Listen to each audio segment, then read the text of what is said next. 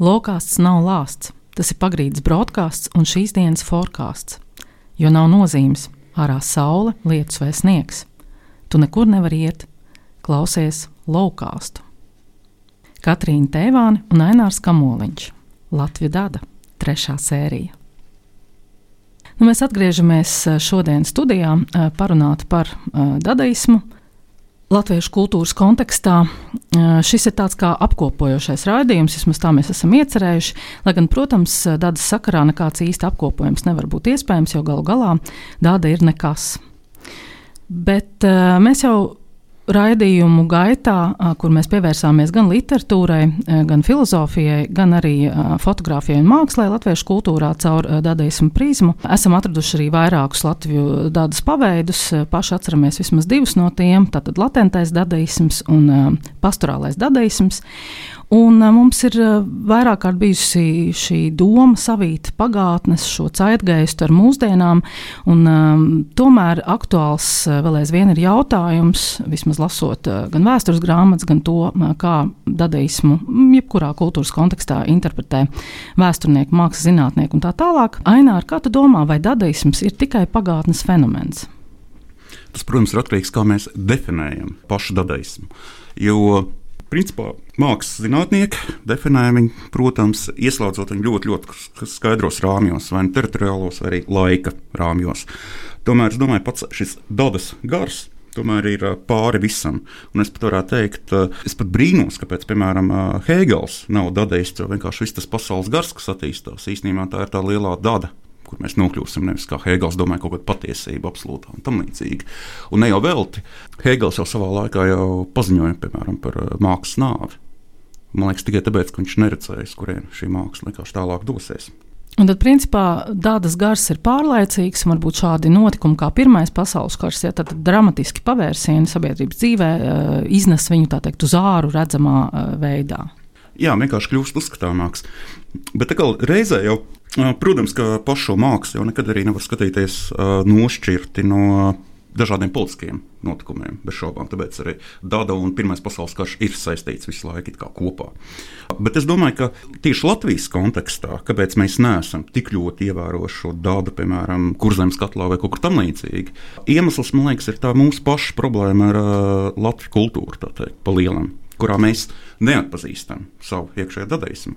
Un, lai to tā vienkārši ilustrētu, nu, mēs varam iedomāties pagājušā gadsimta sākumu. Pastāv lielā kultūras asa - Berlīne, Londona, Parīze, Austrijā, Vīne, piemēram, tā tālāk. Un uh, tas, kas notiek, tad uh, visi šie avangarda mākslinieki vai šīs kustības jau parādās vai Centrālā Eiropā vai Austrumē Eiropā. Un, uh, manuprāt, tur var redzēt uh, daudz uh, teikt, politisks iemesls. Ja, jo Ja mēs skatāmies to laiku, pagājušā gadsimta sākumu, tad, protams, ir maza sociālā mobilitāte. Un savukārt šo mazo vidusslāni ieņem ne jau vietējie. Tas ir visā centrālajā Eiropā un Austrumē Eiropā. Tie ir vācieši, ebreji un līdzīgi. Un, līdz ar to šie, savukārt šie vācieši un šie pārējie šie iebraucēji vai ne, tā teikt, tauta, kas konkrēti tur dzīvo, viņi jau ir vērsti uz šo kultūras asu Un tad līdz ar to šie mākslinieki ir eh, palikuši tādā nekurienes zonā. Viņi nezina, vai viņiem arī vajag piedalīties šajos rietumos, vai arī tomēr jārada kaut kas jauns savējais, kas, protams, ir saistīts ar to, ka pagājušā gadsimta sākumā jau atkal parādās ļoti daudz diskusijas par to, kādai ir jābūt šai nacionālajai mākslai tieši. Bet lasot šodien dažādus apcerējumus par dadaismu un vispār meklējot arī pazīmes, dadaismu pazīmes Arī latviešu kultūrā mēs, protams, neesam vienīgie, kas mēģina to atrast. Ir bijuši vairāki literatūras vēsturnieki un arī mākslas vēsturnieki. Ārkārtīgi interesanti, ka vienmēr tiek sekots kādiem formāliem kritērijiem.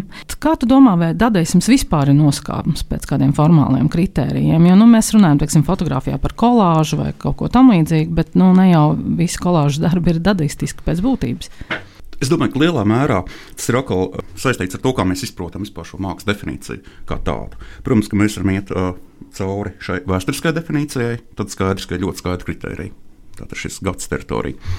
No otras puses, mēs varam atkal mēģināt definēt šo mākslu vēl plašākā nozīmē, proti, kāda, kāda ir šī mākslas funkcionalitāte. Kā piemēram, uh, viens no proti uz mākslu var skatīties vai nu kaut tādu, kas reprezentē noteiktu veidu īpašības, harmonijas skaistums, kultūra un tam līdzīgi. Vai arī māksla skatīties kā tāda, kas ir reakcija uz pasauli. Un šeit uzreiz parādās arī divas dažā, divi dažādi mākslas, plašā nozīmē šie stili. Un šī nav mana ideja, šis, šī ir Marlo ideja. Proti, kurā viņš runā par to, ka tiklīdz parādās šie reakcionārie darbi, proti, reakcija uz šo pasauli, šie darbi pēc definīcijas kļūst jau fragmentāri. Jo viņi negrib reprezentēt kaut kādu šo lielo pasaules vienotību vai lielo stāstu par pasauli. Savukārt, tie, kas vēlas uh, radīt šo vienkāršo mākslu, vai to, ko mēs uh, saprotam kā ikdienišķo mākslu, kur mēs uh, varam doties skatīties muzejos un tam līdzīgi, priekš viņa Tā ir vienkārši tā ir funkcija, kurā mēs uh, radām kaut kādu, vai mēģinām kaut kādu jēgu piešķirt šai pasaulē vispār. Un šeit atkal Malro ir uh, viena uh, interesanta doma. Papildus tam visam. Proti, ka viņš vēršas lielā mērā pret arī tādu agrāku šo uh, mākslas izpratni, kurā katrai kultūrai ir kaut kāda sava māksla, vai vispār tas, ka māksla ir nepieciešama cilvēkam kā tāda, vai tā ir tāda esenciāla funkcija cilvēkam. Proti, tā nozīmē, ka tikpat labi šo vienotību vai skaistumu var sniegt, nezinu, kaut kādas reliģiskās idejas, mīti un tam līdzīgi. Māksla nav nepieciešama.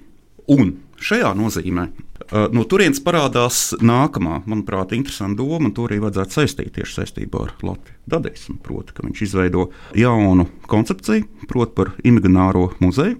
Un šis imaginārais muzejs nav muzejs atkal tādā mūsdienu izpratnē, kurā mākslā vajag telpu vai kaut kam līdzīgam. Šis muzejs ir atkal, viņš ir absolūti indostisks. Katrs cilvēks vāc uh, liecības, dokumentāciju par darbiem, kas attiecas tieši uz viņu, kas ir vienkārši ar ko viņš var identificēties, kā viņa reakcija uz pasauli kaut kādā nozīmē. Nav tāds universāls mākslinieks, kurā viss piedalīsies vienā lielā skaistumā, harmonijā un tam līdzīgi.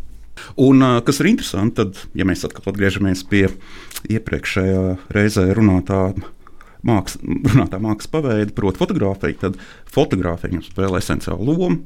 Tāpēc, ka fotografija pēc definīcijas ir nevis vienkārši tā, kas attēlo pasauli, Jo pretējā gadījumā tur tiešām es domāju, jā, ar ko tas atšķirās piemēram no uh, glezniecības. Ne, viņam fotografija ir pēc savas būtības fragmentārs pasaules piedāvājums.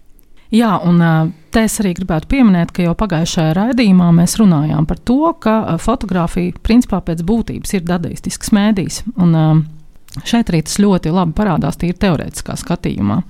Man arī bija jautājums, vai likt vispār dadīsim darbus muzejā būtu adekvāti, bet nu, šajā gadījumā, protams, pieeja tas ir jautājums, kāda ir muzeja izpratne. Jo, Jā. jo ir diezgan jauki, ka 50. gados bija ārkārtīgi daudz starp filozofiem diskusiju tieši par muzejiem. Un, ja nemaldos, tas bija Adorno, kas uh, teica, ka faktiski muzeji priekš. Ka šie muzeji nav nepieciešami. Tajā nozīmē, ka muzejs viņam asociējās ar vārdu mauzolejs. Protams, tas ir tas, kur vienkārši aiziet nomirt šie darbi. Uh, lielā nozīmē. Un, uh, kas ir interesanti, tad arī Malro arī uh, līdzīgi domāja. Proti, viņš nebija tāds beņemists, kuram vajag šo auru vai kaut ko tamlīdzīgu. Ne, viņam ir galvenais tas, ka šis darbs ir kaut kāds mēdījis starp tevi un šo pasauli, lai arī kāda tā būtu. Līdz ar to mākslā vajag telpu, bet imagināru. Vēl man bija tāds jautājums, lasot, es tev sūtīju vakar, atradu interesantu grāmatu literatūras vēsturi. Tātad eh, Boņislava Tabūna grāmata Modernismu virziena latviešu literatūrā. Un šeit ir arī uzskaitīti dažādi modernismu virzieni, tātad simbolisms, impresionisms, futūrisms un tā tālāk līdz arī dadaismam. Un man ārkārtīgi interesants šķita Tabūna pieeja, ka viņš skatīja eh, vairākus savu laika. Nu, grāmata ir 2000. sākumā, laikam, ap 2008. gadu izdota. Ir skatījis eh, dažādus uh, latviešu autorus, pilnīgi noteikti ne gadsimta sākuma, bet tieši jau uh, pēc gadsimta otrās puses, dadaismu kontekstā. Tostarp arī Uldi Bērziņu, mm, Liānu Langu, pat Ziedonis tika pieminēts un vairāki autori. Un tad ārkārtīgi interesanti man likās.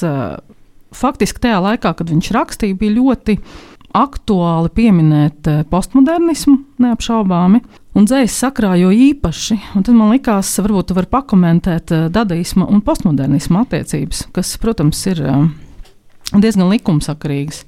Šeit es neteiktu, ka ir likumsakarīgs, jo no vienas puses fotografija ir medijas, bet ja mēs skatāmies postmodernisma klasiķu Lietāru, kurš šajā savā slavenākajā darbā par postmodernismu, starp citu, raksta par fotografiju, kurā viņš piemin, ka īstenībā fotografija tas ir Quattrocento programmas noslēgums. Principā viņš joprojām skatījās to uz kādu noteiktu attēlojošu mēdīju un nevis fragmentāru. Nekādīgi nevar viņam īsti piekrist no savas pozīcijas. Es arī protams. nepiekrītu, es tikai saku, ko saka postmodernisms postmodernismu teorētiķi. Bet, ja mēs runājam atkal par dzēju, jo mums, kā vienmēr, eh, latviešu kultūrā visvairāk un plašāk aprakstīta ir tieši literatūra, arī no kultūras vēsturu uh, skatījuma, vēstures skatījuma.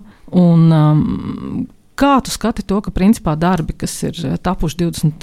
20. gadsimta otrā pusē, un kur vairāk iekļautos tajā, ko mēs vēsturiski skatām kā postmodernismu, tiek analizēti tieši dadaismu kontekstā? Es domāju, tas ir pareizi. Es domāju, jo vairāk dadaisms, jo labāk.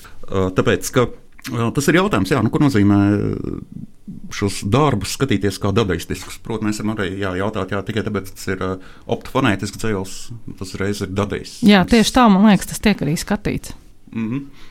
Nē, tā varētu būt. Es, es tad mēs atkal nonākam pie tiem formālajiem kritērijiem, ka viņi tomēr tiek piesaistīti formāliem kritērijiem šie dzīslu darbi. Jo kopumā, izņemot varbūt Ijo Malgalu, kas tiešām bija tāds tribūts Dadai, es tur redzēju vairāk sistēmiskas lietas.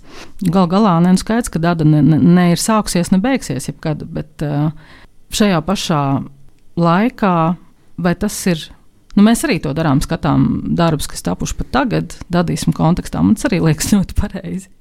Jā, protams. Bet protams. jautājums, nē, jautājums drīzāk tāds, vai ir jēgrunāt par postmodernismu? Es domāju, ka īsti nav. Godīgi sakot, tas bija tāds uh, neliels pārējošs mode. Un it sevišķi tāpēc, ka tur bija atkal tas pats uh, process, kas mums, latviešiem, bija 20. gadsimta sākumā. Gribam piedalīties šajā kultūras asī, tad 80. gadu beigās cilvēki atrod grāmatu par postmodernismu, viņiem liekas, ka tā ir tā kultūras aktualitāte, un tad arī grib piedalīties šajā. Un, eh, manuprāt, eh, te būtu.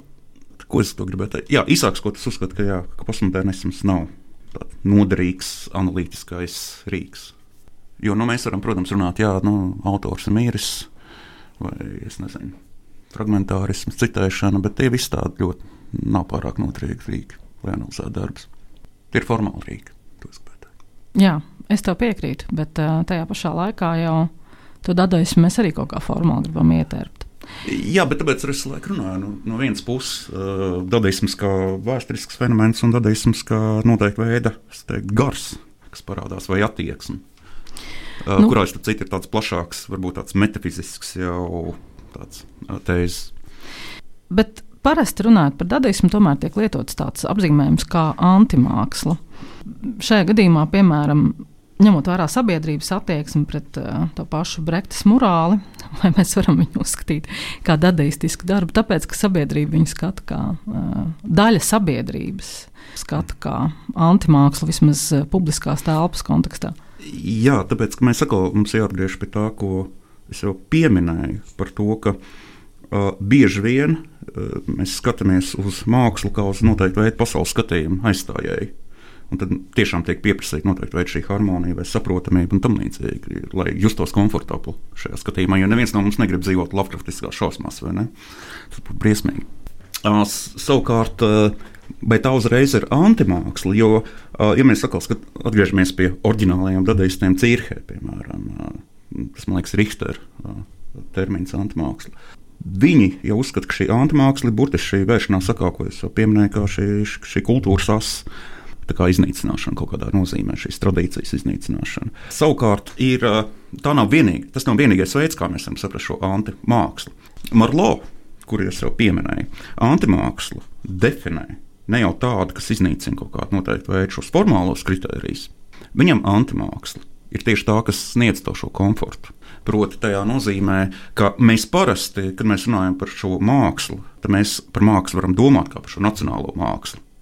Kad mēs domājam par antimākslu, mēs uh, par viņu domājam īstenībā kā kaut kādu globālu internacionālu fenomenu, kas nav balstīts nevienā atsevišķā tautā. Līdz ar to arī uh, latvieši negrib pieņemt, ka mēs esam dadaisti.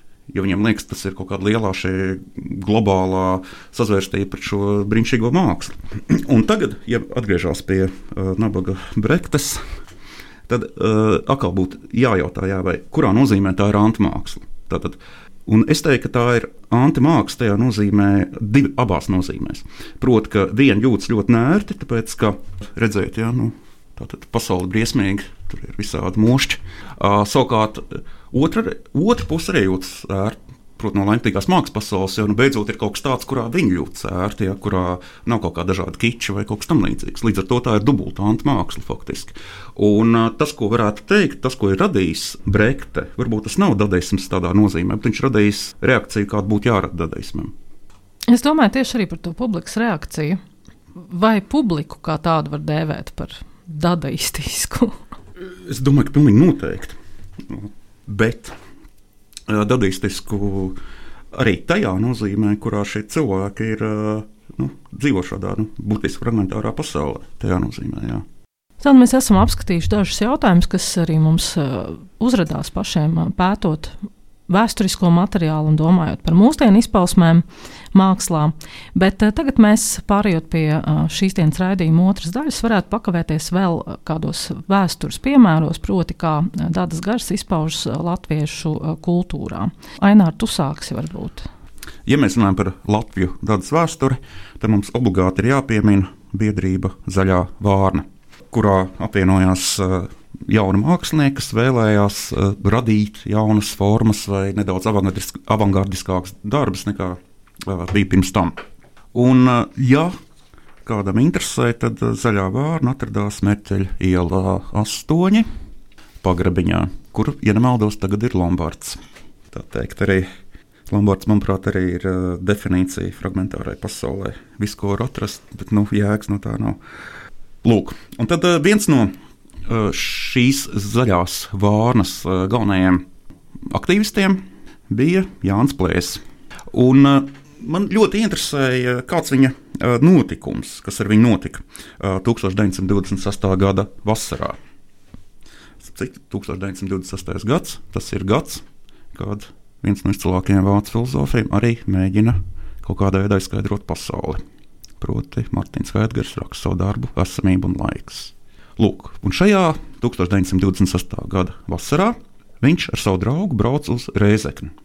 Un kas ir interesanti, tad Rēzekne, kā mēs zinām, ir konceptuālās dzīslas galvaspilsēta. Tātad viens no šiem ceļotājiem, plasa, neliels augumā, bet liels savā drosmē, ceļojum, gatavojās ceļojumam laivā no Reizeknas uz Rīgu. Laiva primitīva un ļoti nestabila. Ceļojums tāls un ūdeni, ūdeņi dziļi. Lubāns ezers, Aiviekas upe un Krāčainā Daugava. Pēc ceļnieku domām Latvijas džungļos mitinājās plēsīgi cilvēki. Tādēļ ceļnieki stipri bruņojušies, vienam no viņiem somu duns, bet Žanim, plēsas draugam, šaujamais ierocis Pugačs. Nu, ceļojums tomēr norit laimīgi. Viņ, viņš pēc divām nedēļām tomēr apdedzis, izkāmējis, tomēr nokļūst Rīgā. Par to, ko viņš darīja ar tiem reizeknas konceptuālistiem, atmiņas nav palikušas. Jā, nu šis stāsts man kaut kādā mērā atgādina vienu citu. Mm, es, protams, meklēju kādas sakrības ar fotografiju periodikā. Atradu pāris ļoti interesantus aprakstīņus, un viens no tām ir, kas saucās nepati, nepatikušas fotogrāfijas, tāpēc rīkojies ar akmeņiem un nazi. Šāds ir eh, ziņas virsraksts. Nu, un, eh, tas stāsts viss bija eh, ap to, ka ielu dzels, dzelzceļa remonta darbnīcas strādnieks Kārlis Balodis no Biķernieka ielas 21 vakar pievakarē, nu, respektīvi tālajā 39. gadā, ieradies pie fotografa Juka Kalniņa brīvības gatvē 33, 35, ļoti uztraukts. Viņš izsaucies: Pasūtītās bildes nekam nedara, uzskatu tās par sabojātām un atkal aizstēdzies. No ielas balodas apmētājas kalniņa dzīvokļa.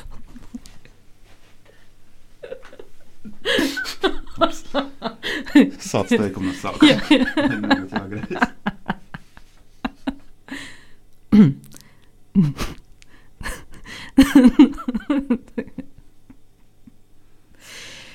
no ielas balodas apmētājas kalniņa dzīvokļu logus ar akmeņiem. Garām gājis prefektūras 12. iecirkņa kārtībnieks. Sāc teikumu no sākuma. Nu, pagaidiet, sākšu visu no sākuma. Tātad. Ielu dzelzceļa remonta darbnīcas strādnieks Kārlis Palārs. Nu, bet tā ir nezviedz man pretī. Sēdi. Jā. Jā, no nu, Enāra stāsts, ko tu tikko uh, pastāstīji, man savā ziņā atgādina kaut ko citu. Uh, citu tādā veidā, ka šeit intence absolūti nebija saistīta ar mākslām nekādā veidā, tomēr es sekoju kādām dadas gara izpausmēm uh, fotografijas sakrā. Un šeit tāds nejaušs gadījums, jo pilnīgi noteikti galvenajam varonim uh, nebija radošas intences, bet uh, vienkārši nebija labi apdūšu. Taču kopumā šis stāsts, eh, man liekas, kaut kādā mērā eh, gan attiecas uz performatīvo aspektu, gan vispār uz tādu žesta aspektu, uz uzplaiksnījumu, kas kaut kādā mērā, lai arī nav tulkojams kā mākslas akts, savā ziņā rezonē ar to. Eh, Tad es uzgāju šādu sižetu periodikā jaunākajās ziņās, 1930. gada numur 203. Saucas nepatikušas fotografijas, tāpēc rīkojies ar akmeņiem un nazi. Ielu dzelzceļa remonta darbnīcas strādnieks Kārlis Balodis no Biķernieku ielas 21 vakar pievakarē ieradies pie fotografa Jukalniņa brīvības gatvē 33-35 ļoti uztraukts. Viņš izsaucies. Pasūtītās bildes nekam neder, uzskata tās par sabojātām un atkal aizsteidzies. No ielas balodas apmētāja No ielas, no ielas balots apmētājs kalniņa dzīvokļu logus ar akmeņiem. Garām gājis prefektūras 12. iecirkņa kārtībnieks Stankēvičs. Viņš balodā aizturējis. Ceļā uz iecirkni balods pēkšņi izrāvis no kabatas. Ceļā uz iecirkni balods pēkšņi izrāvis. Nē, sāksim no sākuma. Viņš to būs kā stundu būs jāgriež. Es nevaru. Vai tā? Ah. Dubls 4, ne 43, man liekas. Cienījamie klausītāji, jūs uh, nevarat dzirdēt mūsu aizkadru, un tas man arī apliecina, ka šis sižets, ko es lasu jau sesto reizi aizkadrā un nekādīgi nevaru nolasīt, ir uh, tīrs, tādas prieka gars, un faktiski tā galvenā mākslinieckā, uh, mākslinieckā šis žests, var sakot, ir galvenokārt šī sižeta iekļūšana jaunākajās ziņās. Un es eh, kā nespēju viņu nolasīt, eh, mierīgi iedošu, lai nolasa kolēģis. Sižeta nosaukums - nepatikušas fotografijas, tāpēc rīkojies ar akmeņiem un nazi. Publicēts jaunākajās ziņās 39. gadā, 203. Eh, numurā. Ielu dzelzceļu remonta darbnīcas strādnieks Kārlis Balodis no Biķernieka ielas 21 Vakar pievakarē ieradies pie fotografa Ieva Kalniņa brīvības gatavē 33, 35. Ļoti uztraukts. Viņš izsaucies. Pasūtītās bildes nekam neder. Uzskata tās par sabojātām. Un atkal aizsteidzies. No ielas balods, no ielas balods apmētājs Kalniņa dzīvokļu logs ar akmeņiem. Garām gājis prefektūras 12. 12. iecirkņa kārtībnieks Stankēvičs. Viņš valodā aizturējis. Ceļā uz iecirkni balods pēkšņi izrāvis no kabatas lielu kurpnieku nazi un uzbrucis kārtībniekam. Ir kāds komentārs? Jā, man šis uh, sižets pievērs uzmanību sakrā ar kādu citu stāstu, kas saucās uh, fotografa atriebība. Un šeit, man, manuprāt, ļoti labi parādās tas, ka cilvēki, vienalga kāds būtu viņu noskaņojums, šeit uh, būs cits stāsts, kaut kādā mērā sagaida no fotografijas, kad realitātes atbilstība vai kaut ko kas pieviļ viņu cerības, un tas izraisa reakciju.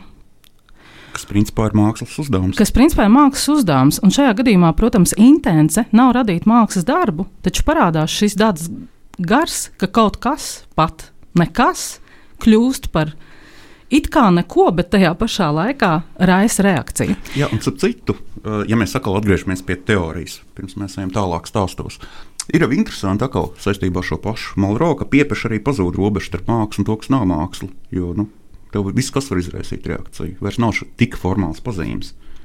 Nu, tieši tā, un tagad es nolasīšu vienu citu epizodi, kas ir aprakstīta eh, izdevumā Ilustrēts žurnāls 1924. Eh, gada 36. Eh, numurā un saucas Fotogrāfa atriebība. Citēju. Kāds Rīgas fotogrāfs nesen atpakaļ bija izlicis skatlogā 50 jaunkuņu fotogrāfijas, bet tavu trakumu galvas bija smuki izgrieztas un uzlikts uz nofotografētu zosu kakliem.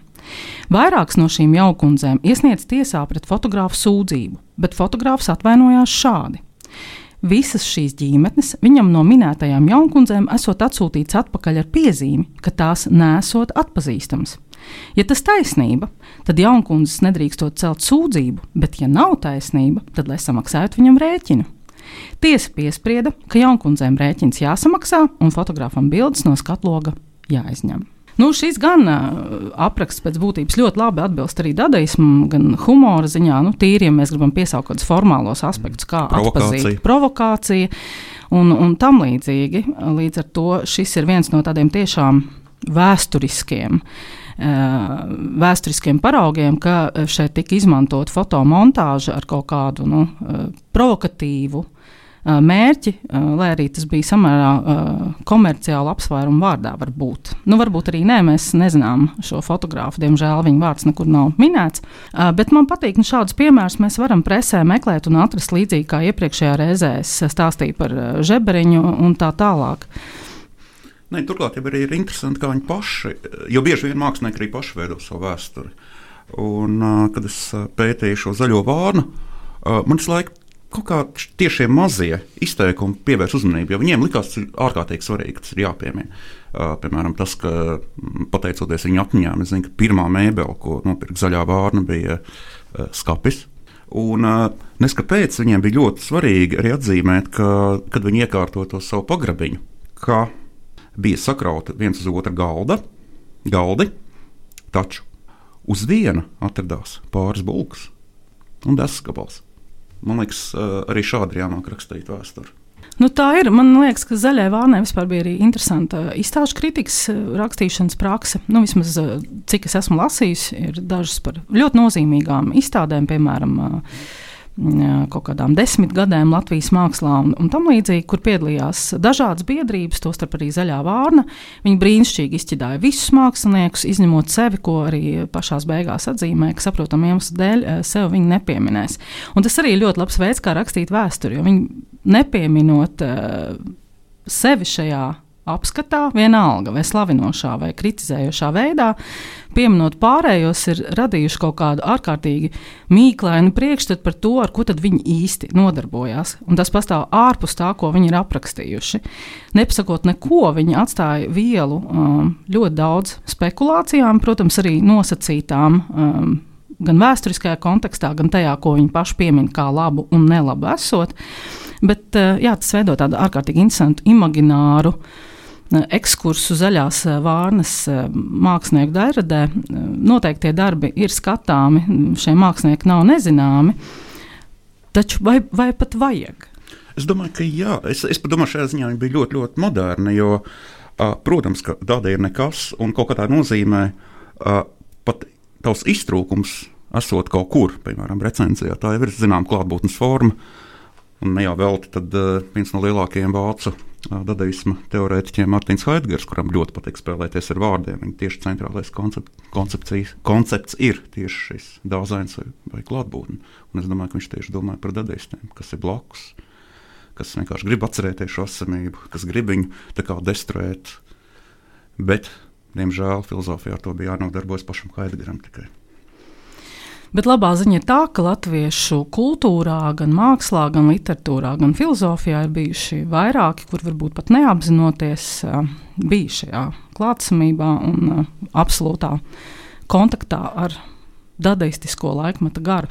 Un šeit mēs, protams, varētu meklēt dažādus piemērus un atrast arī dzene, tāpat arī, piemēram, varētu runāt par uh, apvienību ekspresionisti, tad vēlāk Rīgas mākslinieku grupu. Uh, protams, jau šķiet mans pieminētā Eh, Kasparsoniāda, tātad, eh, kur uh, Rihards Zariņš un Jānis Tilbergs izveido šo izstādes notikumu ar vēlmi radīt šo kā, modernistisko izstādi, ar vēlmi to izsmiet, kas bija, man liekas, absolūti dadaistiska performance. Uh, un tā tālāk, un tā joprojām. Šie piemēri atrodas. Viņi, diemžēl, uh, tikai tagad, varbūt atsevišķos gadījumos parādās kaut kādās kopējās mākslas vēsturēs, bet tā viņi vienmēr ir līdzās esoši.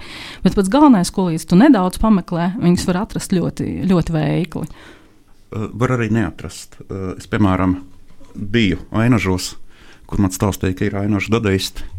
Neatradu. Bet jau tas, ka tev ir stāstīts, un arī tas, ka tu neatradi, kopumā ir pietiekams akts šajā ziņā. Es domāju, ka jā, varbūt ka, uh, Ainaša dadaisti ir tie dadaisti, kas nokļūst ainažos, meklējot ainažu dadaistus. Jā, es domāju, ka tas tā varētu tiešām būt. Līdz ar to mēs noslēdzam savu trešo uh, raidījumu sērijā Latvijas Dada. Domāju, ka noslēdzam ar aicinājumu arī citiem meklēt dadu. Jā, jo tas ir nebeidzami prieka avots.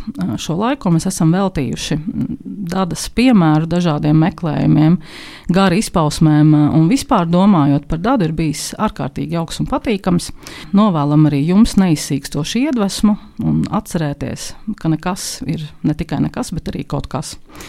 Paldies un visu labu. Atvadamies no jums šoreiz. Tātad studijā bija Ainārs Kamoliņš un Katrīna Teivāne. Un atgādinām, ka par laukāstu rūpēs galerija Lau, Radio Naba un Valsts kultūra kapitāla fonds.